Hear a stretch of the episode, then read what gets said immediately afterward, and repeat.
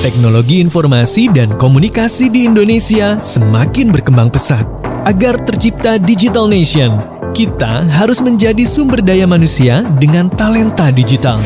Mau cakap Mau digital? cakap digital? Langsung aja kita simak Indonesia Makin cakap digital. podcast Literasi Digital Lokal Champion Indonesia Makin Cakap Digital.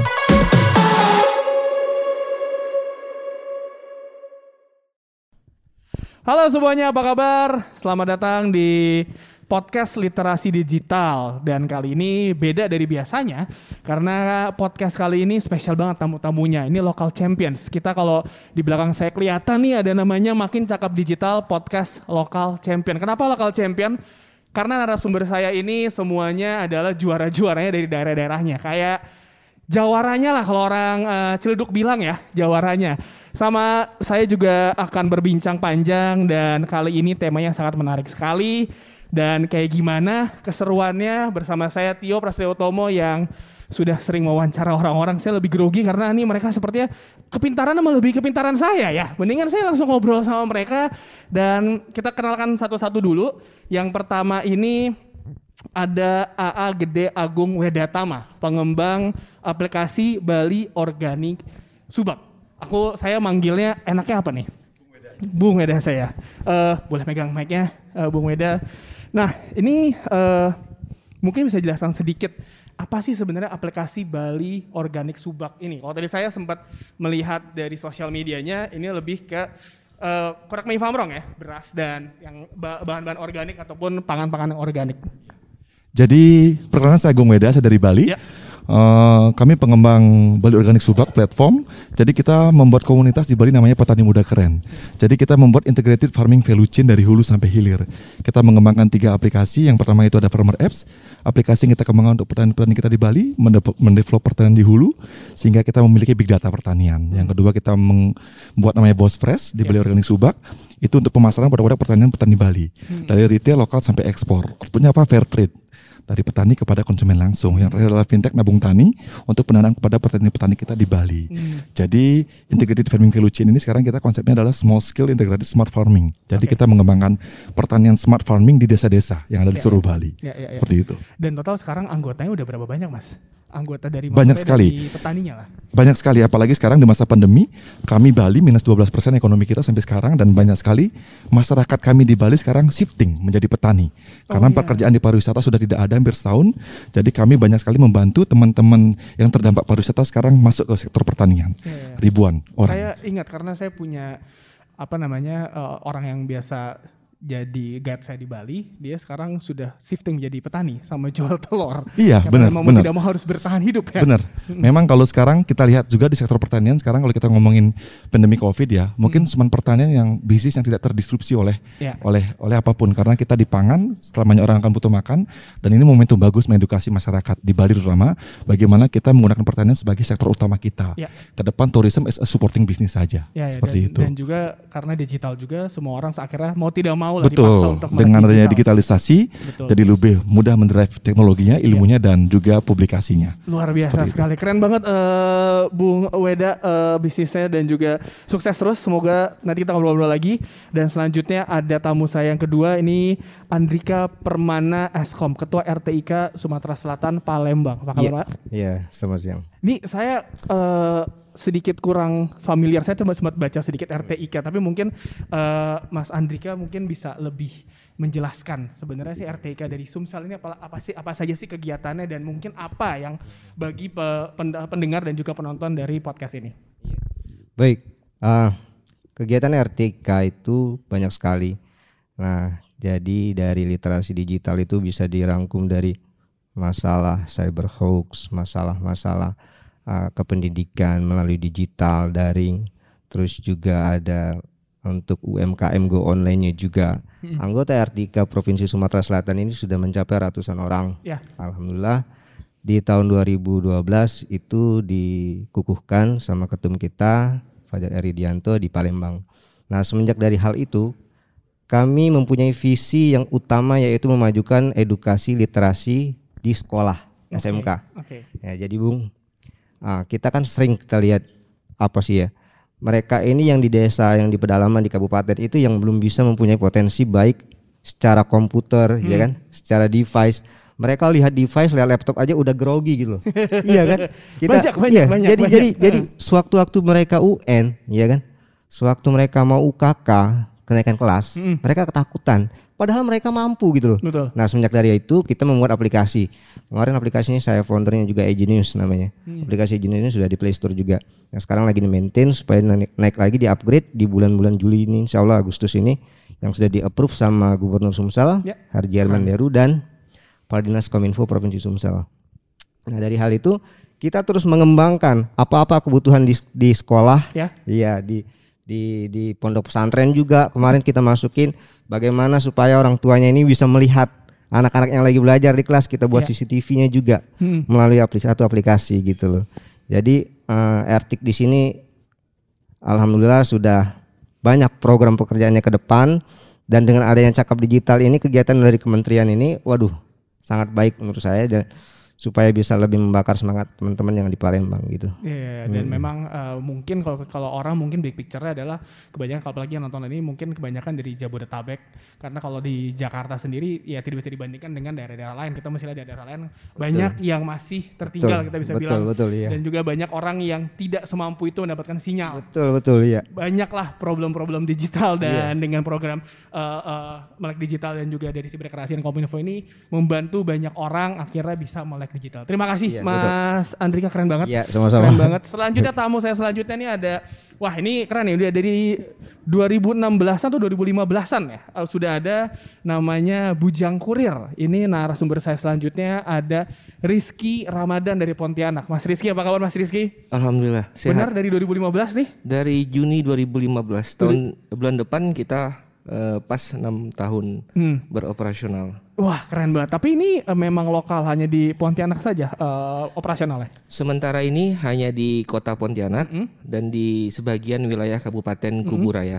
Karena kom- Pontianak dengan Kabupaten Kuburaya itu bersebelahan. Jadi kita juga mengcover area di situ. Hmm, Dan sebenarnya si Bujang Kurir ini apa yang membedakan Bujang Kurir dengan aplikasi lainnya sekarang?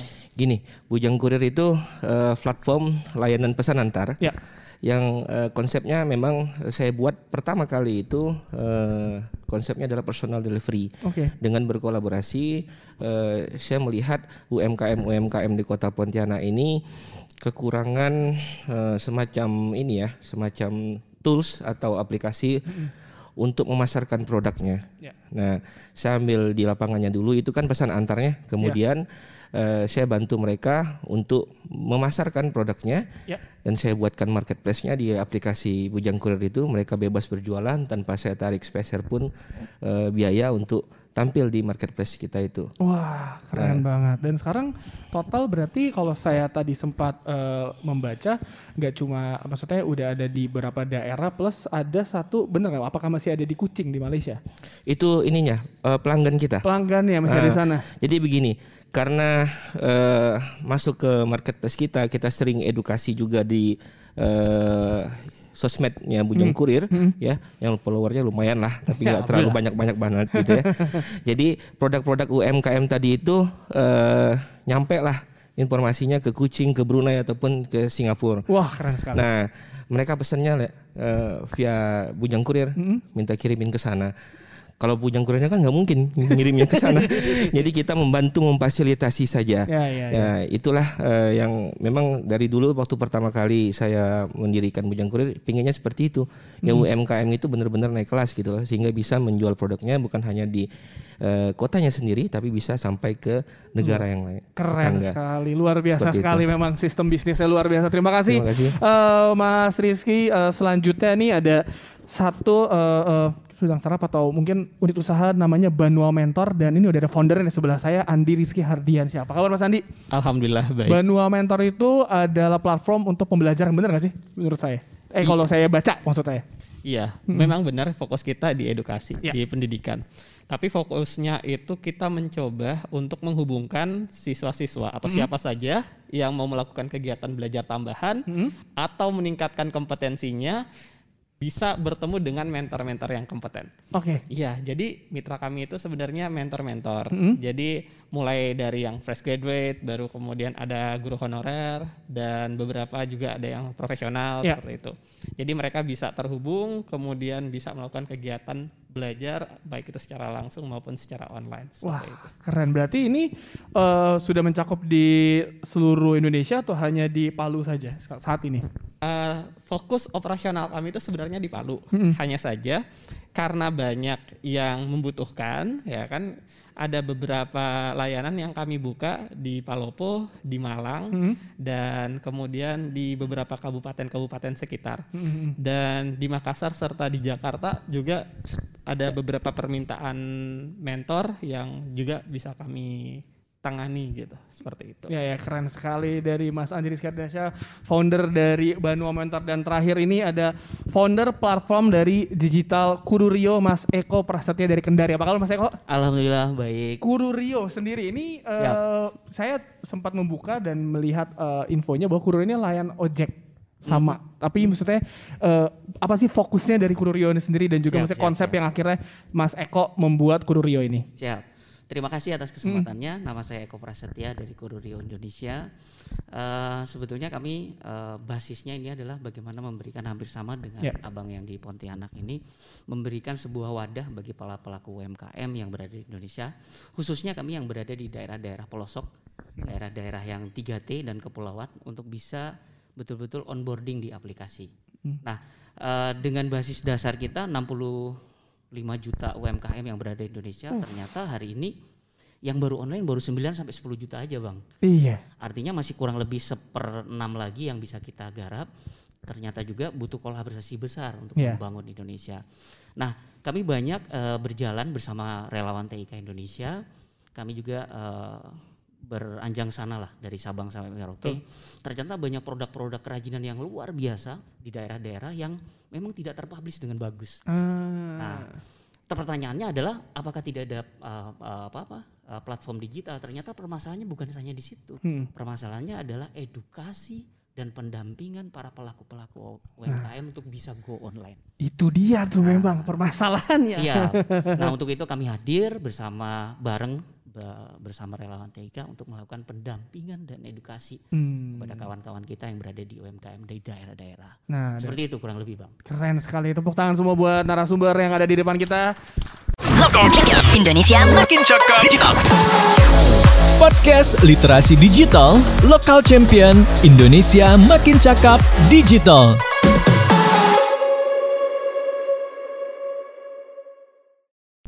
Itu tadi kenapa eh, narasumber kita tuh luar biasa sekali lima orang ini Pandawa 5.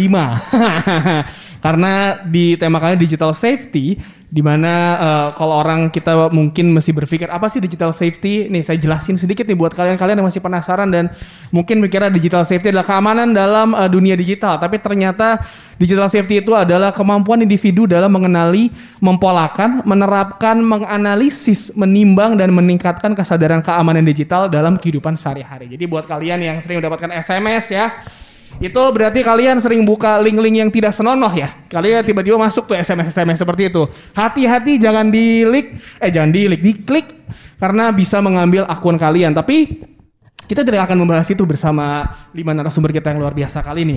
Ada berapa pertanyaan yang menarik dan mungkin ini kan tadi kan eh, mengangkut apa menyangkut UMKM UMKM dan juga ada bagaimana user saya juga banyak. Nah, pertanyaan paling dasar sebenarnya bagaimana dari kalian berlima ini dalam eh, mengembangkan keamanan digital dari eh, usaha kalian sendiri? Siapa yang mau menjawab? Silakan. Ada yang mau menjawab? Oke, silakan. Ya, terima Mas Eko. kasih. Eh, ada isu besar terhadap pengamanan data privasi yang kemudian ini akan menjadi masalah bersama kita. Yang satu, eh, yang pertama dari sisi user kami, eh, terutama teman-teman yang berada di UMKM, ini kita pahami dengan pemahaman apa sih pentingnya data privasi. Ya. Apa saja data yang harus bisa di-sharing dan apa saja data yang harus kita simpan. Jadi pemahaman dasar minimal ini akan memberikan aware bagi kita untuk betul-betul melindungi data privasi kita. Karena kalau tidak apa ya kalau kita tidak peduli dengan data kita terus siapa lagi yang mau peduli dengan kita Betul, karena seperti itu banyak orang yang berpikir data semudah itu diberikan ke betul orang-orang. betul Iya, jadi iya. dimulai dari diri kita dulu Iya, iya, iya. Ya, jadi pemahamannya pelakunya kita sadarkan, yang kemudian kita berikan edukasi, dan insya Allah ini akan memberikan efek yang bagus untuk ke depannya. Nah ini menarik sekali tadi kalau ngomongin data tadi eh, di awal eh, Mas eh, Weda udah bilang bahwa dia bekerja dengan ratusan petani. Nah petani ini apakah mereka juga memiliki masalah dengan data karena kan tidak banyak orang yang eh, eh, aware seperti kita lah. Kita tidak bisa membagian data semudah itu. Apakah ini ada permasalahan seperti ini yang eh, Mas Weda sendiri juga alami di eh, bisnis Mas, eh, Mas Weda? Ya, kalau kami kan memang fokusnya empowering farmers ya. Jadi kita mengedukasi. Memang kalau ngomongin lit- lit- literasi digital, petani itu mungkin orang yang sangat jauh dengan dengan digital Iya. dulunya. Tapi sekarang kami di Petani Muda Keren mengempower, membantu petani, mendampingi dan mengedukasi mereka bagaimana mereka dapat menggunakan aplikasi-aplikasi yang mempermudah mereka dalam proses pertanian. Begitu juga dengan sosial media. Dan memang belakangan ini kalau kita sekarang generasi Z mungkin generasi skip ads ya. Jadi apa namanya kalau tadi dibilang generasi swipe up, kalau kami bilang generasi skip ads gitu. Jadi Iya, iya, iya. jadi memang uh, sudah mudah kita edukasi, tapi untuk mereka generasi-generasi yang sudah berumur 40-an ke atas, kita kita perlu pendampingan. Mhm. Dan untuk data itu memang penting sekali dan memang belakangan ini kan banyak sekali terjadi hacking WA ya. Ya, Jadi betul. yang aku ngaku kasih Indomaret itu Ibu banyak saya sekali. sudah kena masalahnya. Iya, petani-petani juga kemarin banyak yang kena mas. Akhirnya kita edukasi, kita dampingi dan memang uh, clicking uh, Link-link yang itu iya, link tidak usah dilakukan. berbahaya. Memang itu kita edukasi juga. Dan memang untuk priva- privasi data mereka pun kami di aplikasi kami memang private untuk petani itu saja. Jadi Hmm. memang untuk mengamankan mereka memang kita sekuritas dengan dengan fokus kepada grup kita di petani muda keren saja seperti Iya, itu. Dan memang ini jadi eh, permasalahan bagi kita semua bukan yang ada di depan sini ya misalnya semua halayak eh, masyarakat apalagi yang melek digital. Sesimpel dari kalian mengajarkan orang tua kalian itu eh, membuka WA dengan baik dan benar ya. Jangan percaya dengan grup-grup WA dan juga berita-berita yang keluar di grup WA karena itu kadang suka membuat kita orang-orang tua saya menjadi ngotot sendiri sama anaknya ya. Dan juga privasi data itu sangat penting. Tapi yang jadi masalah adalah sesimpel tadi saya bilang bahwa eh, kita bisa mulai dari keluarga terdekat yaitu orang tua, adik ataupun sepupu lah. Kita bisa mengedukasi mereka bahwa data paling penting dan juga bagaimana mereka sesim gue saya ingat eh, saya punya rekan penyiar saya dulu namanya Buluk Superglad dia tuh tidak mengerti bikin Facebook dan juga bikin email. Jadi saya ajarin dia ada orang tuh ngetik dulu pakai satu tangan. Karena bisa 10 jari dia pakai satu jari doang ngomongnya. Kayak jadi gini nih, kayak misalnya dia ngomong eh, ngomong ini, layan, layanan dia, dia sambil ngomong sih layanan itu udah itu udah paling dasar itu 2008 saya mengajarkan dia tapi sekarang dia sudah sudah luar biasa sekali pintar soal digital. Jadi memang dari orang terdekat kita mengajarkan. Nah, tadi eh, di Sumatera Selatan tadi eh, eh, Mas Andrika sendiri udah udah udah bilang bahwa di Sumatera Selatan sedang banyak nih lagi banyak yang eh, eh, ingin tahu tentang digital dan juga pembelajaran dan Mas Andrika sendiri dengan tim mungkin menjelaskan pelan tapi pasti sebenarnya masalah yang paling sering keluar di eh, eh, Sumatera Selatan di digital itu apa aja sih Mas? Jadi kan kita terfokus dari ke bidang pendidikan. Jadi seperti saya bilang ke teman-teman, ke adik-adik didik, ke anak-anak kita, internet itu kayak durian runtuh. Iya. Ketika durian itu runtuh, jatuh, itu dimakan manis, buahnya enak. Tapi kalau kena kepala, Sakit Bang. Iya sakit banget. ya itu tadi. Jadi eh, etika kita untuk menjaga privasi kita berkaitan itu ada dua teknik. Konsepnya ada dua teknik. Ada non teknis, ada non ada teknis. Nah teknisnya ketika kita ada di WhatsApp, di WhatsApp itu kan banyak sekali eh, nomor-nomor masuk nih. Oh iya. Nah, nomor-nomor masuk itu kenapa kok dia tahu data kita? Nah, dia dari klik-klik link yang enggak backlink yang enggak jelas itu Nah. satu, yang kayak Toyota yang XYZ, yang Blogspot, yang WordPress segala macam itu. Nah, itu akan menyaring data. Nah, Hmm. ketika menyaring data, dipinta data, dikasihlah data mereka gitu kan. Oke. Nah, data mereka dikasih terus di uh, compile mereka dikumpulkan nanti dia itu kan ber, ber- berkedok seperti toko online biasanya. Oh Jadi, iya, nah, iya. Tetangga saya ada nih. Jadi kejadiannya toko online itu dia uh, seperti 99% mirip toko online. Oke. Jadi dia minta data segala macam, nggak beli barang, barang datang. Mhm. Nah gitu. Nah itulah adalah itu yang terjadi dari kita sa apa ya pencet link yang nggak jelas tadi yang kita klik tadi. Ya, makanya daripada itu keamanan data privasi itu bila bila perlu harus harus kita proteksi kan. Iya. apalagi kalau di nomor handphone kita sudah ada pakai Truecaller segala macam aplikasi Wah, itu. iya. jadi kita ketahuan siapa yang dan apa itu misalkan Mm-hmm. dari penghubungi kita yang tidak kenal. Nah secara ya, edukasi ya kita terus melakukan literasi digital ke daerah ke sekolah-sekolah kayak gitu ke adik-adik kita itu bahwa kebijakan privasi mereka itu nggak boleh diumbar. Ada dua dunia kita hidup sekarang yaitu satu pertama apa di Dunia dunia, nyata dan Dunia dunia, maya. digital Iya, iya. nah di dunia nyata dan dunia digital ini kan ketika kita merasa emotikon kita ya seperti kata Nikta Gina tadi pagi ya jadi kalau kita galau kita posting yang galau kita baik kita sesuatu yang baik nah dasar saat itu ada oknum-oknum yang tidak tertentu yang yang yang yang ingin mengetahui identitas kita memplagiat akun-akun kita ya kan Oh, iya. memplagiat akun-akun kita sehingga kita nanti teman-temannya ini di invite semua. Ya, Iya ya, kan? ya, ya, apalagi ya. nanti terintegrasi sama nomor handphone nomor WA nah itu. Hmm. daripada itu ya bijaklah berinternet supaya lebih pintar supaya lebih cakap. Jadi kita harus kami melakukan apa sih literasi digital ini setiap berkala satu bulan sekali. Kemarin sudah ada tujuh kabupaten kota bung. Wah, ya jadi tinggal PR kami ini di Sumsel itu ada sekitar 10 kabupaten kota. Ya ya dan Gitu. yang paling sering tuh adalah ini kalau kalian uh, main Twitter ya kalian coba uh, tweet aja soal masalah perbankan kalian ntar pasti ada akun bank yang uh, tepu-tepu ya tiba-tiba DM kalian. Tuh sering banget seperti itu tuh ya kan? Jangan itu jangan. Banyak orang yang kena. Dan yang paling sering adalah permasalahannya yang tadi. Yang paling yang paling terkini tuh soal apa namanya voucher game ya. Voucher game voucher game. Ibu saya sudah kena. Saya nggak mau marah tapi saya cuma ketawa aja. Ya elah udah dibilangin, diklik sama dia WhatsAppnya hilang. Alhamdulillah sudah kembali lagi. Dan apalagi ya sebenarnya eh pasti orang sejarang itu sebenarnya buka SMS. Kalau buka SMS itu banyak banget permasalahan-permasalahan digital yang datang ke SMS. Jadi hati-hati soal eh, privasi kalian, data kalian nggak segampang itu. Ya kemarin kita sempat lihat memes bahwa eh, sejaga-jaga kita privasi, akhirnya eh, fotokopi KTP dan kakak kita menjadi bungkus gorengan. Jangan ya. Lokal Cakap Indonesia Makin cakap digital. Podcast Literasi Digital Lokal Champion Indonesia Makin Cakap Digital.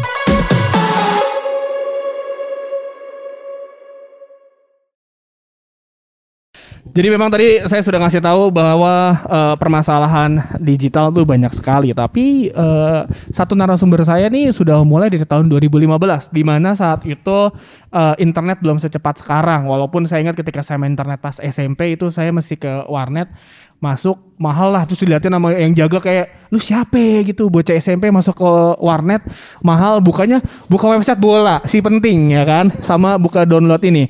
Download walkthrough buat main PS1 game-game PS1 ya.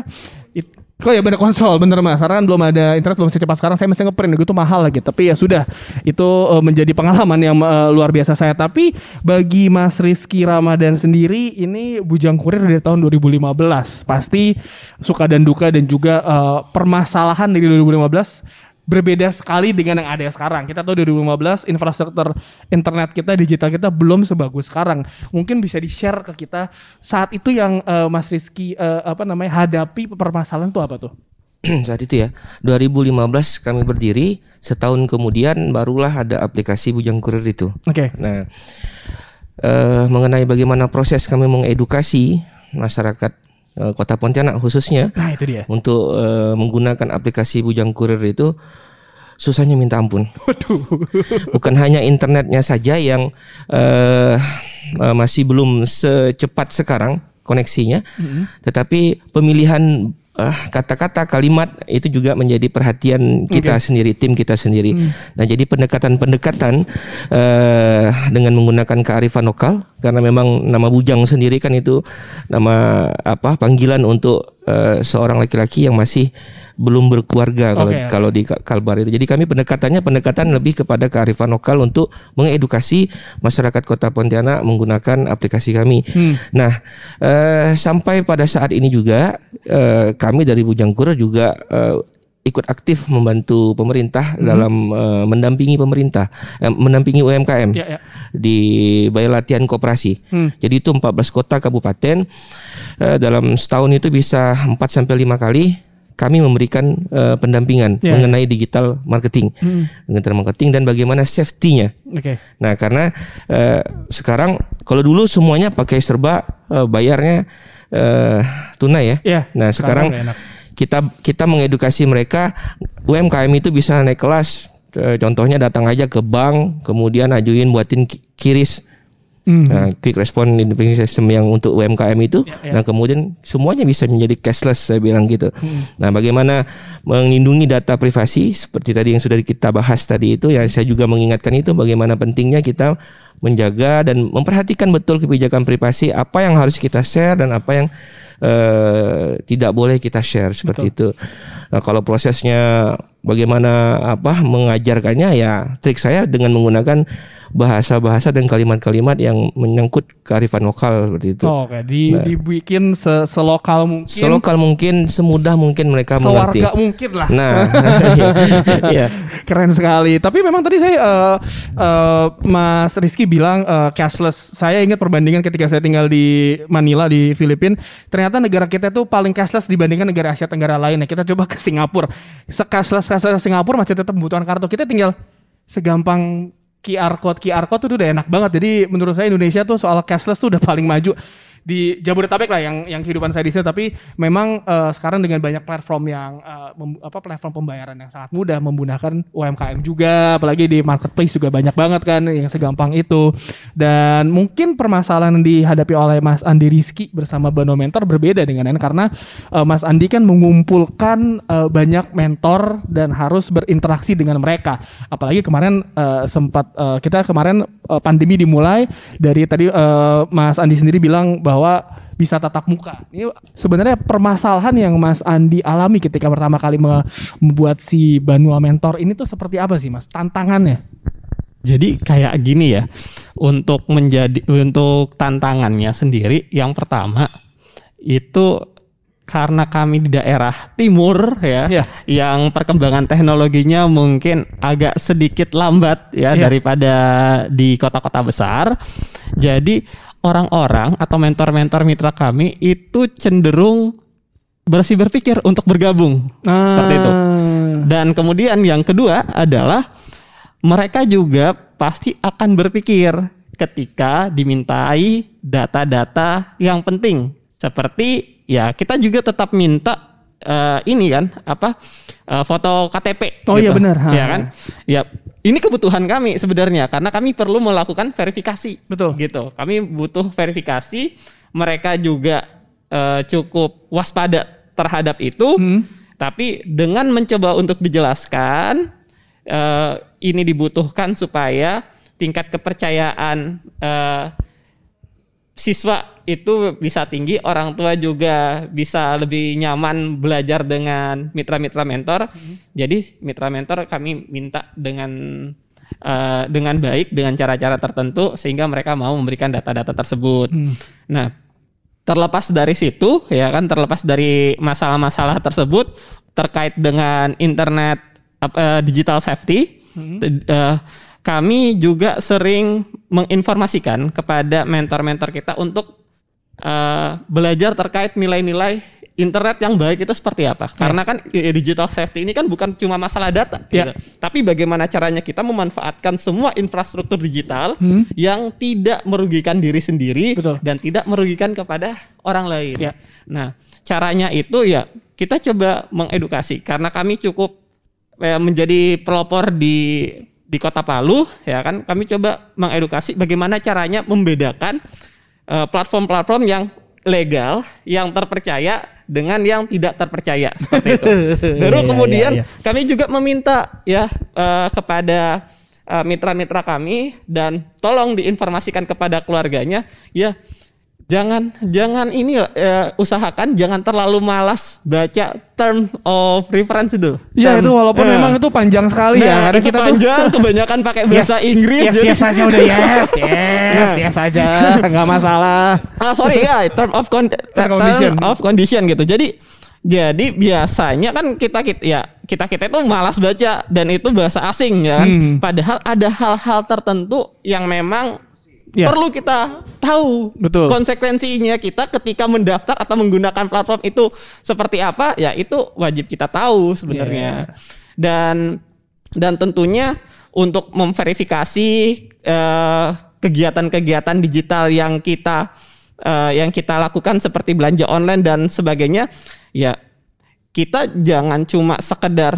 eh, tiba-tiba belanja, tiba-tiba transaksi gitu. Iya, Tapi iya. ya kita harus lihat track record ya kan, Iya, atau betul. kita bisa lihat ratingnya, Ah. komentar dan lain-lain. Iya, iya, dan itu kami coba tunjukkan di platform kami. Mulai dari kita tunjukkan bintang di aplikasi yang ada di Play Store, Mhm. baru kemudian eh, jejak-jejak digital customer yang sudah menggunakan layanan kami dan sebagainya. Ya, ya. Dan kalau kita lihat Hmm. buka banuamentor.com itu terlihat sendiri ada kayak mentor terbaru gambarnya fotonya Iya. dan juga mentor populer.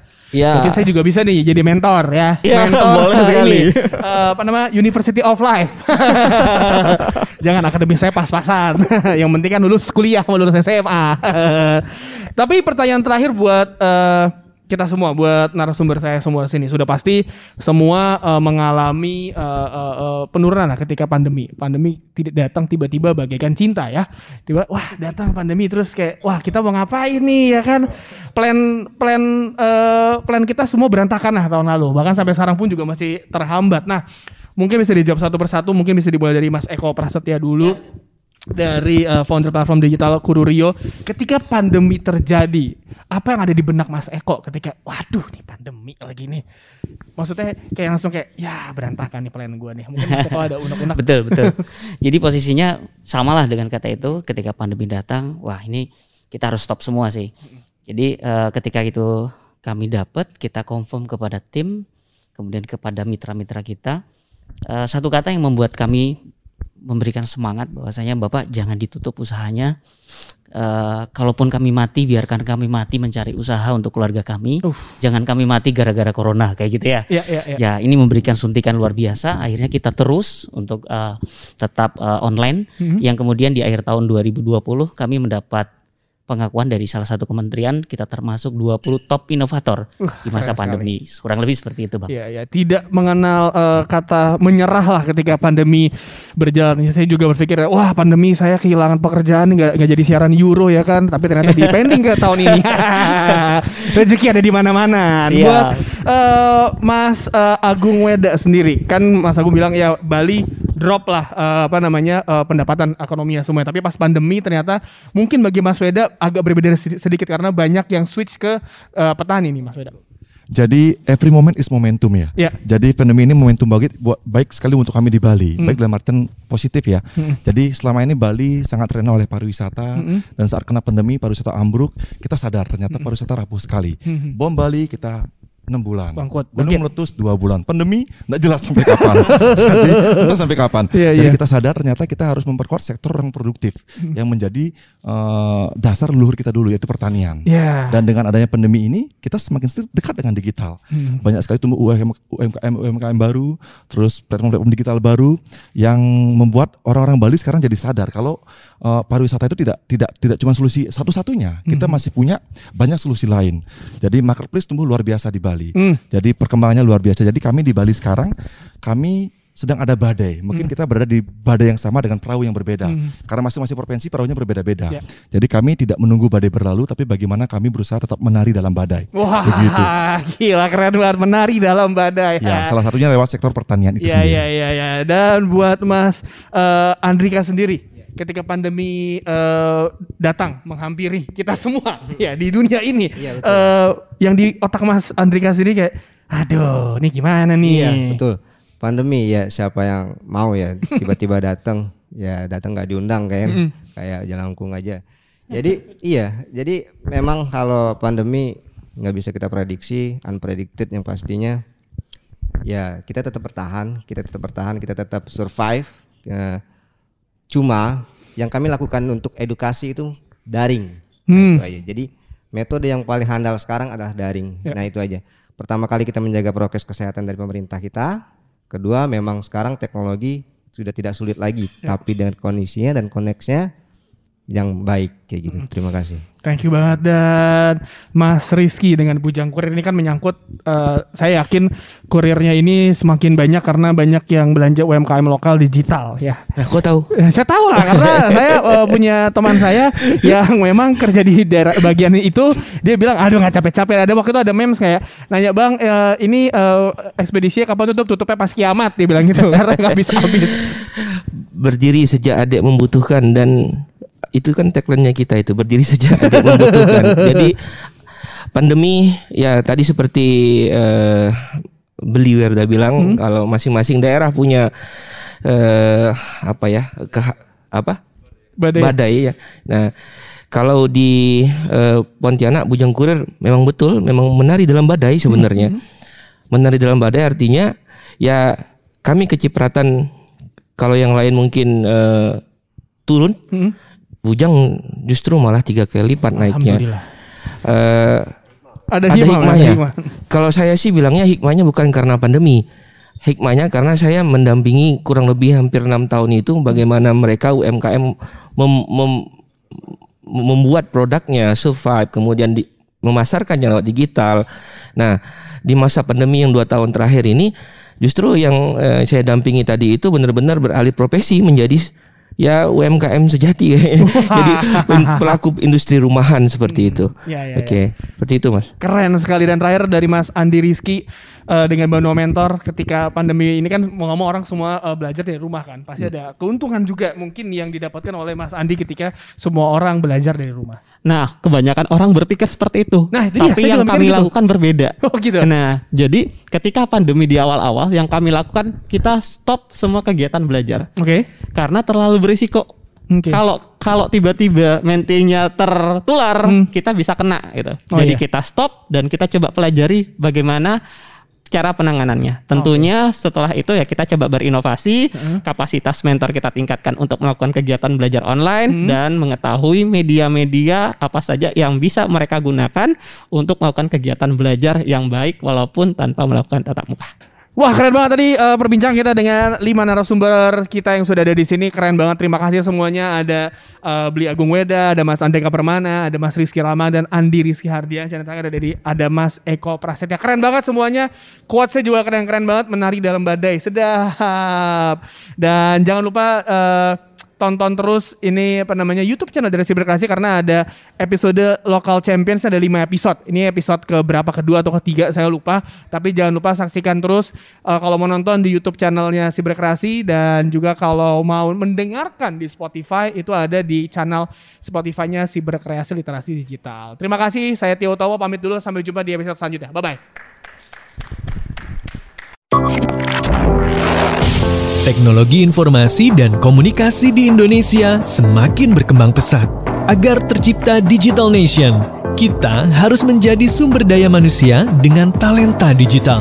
Mau cakap Mau digital? cakap digital? Langsung aja kita simak Indonesia Makin cakap digital. podcast Literasi Digital Lokal Champion Indonesia Makin Cakap Digital.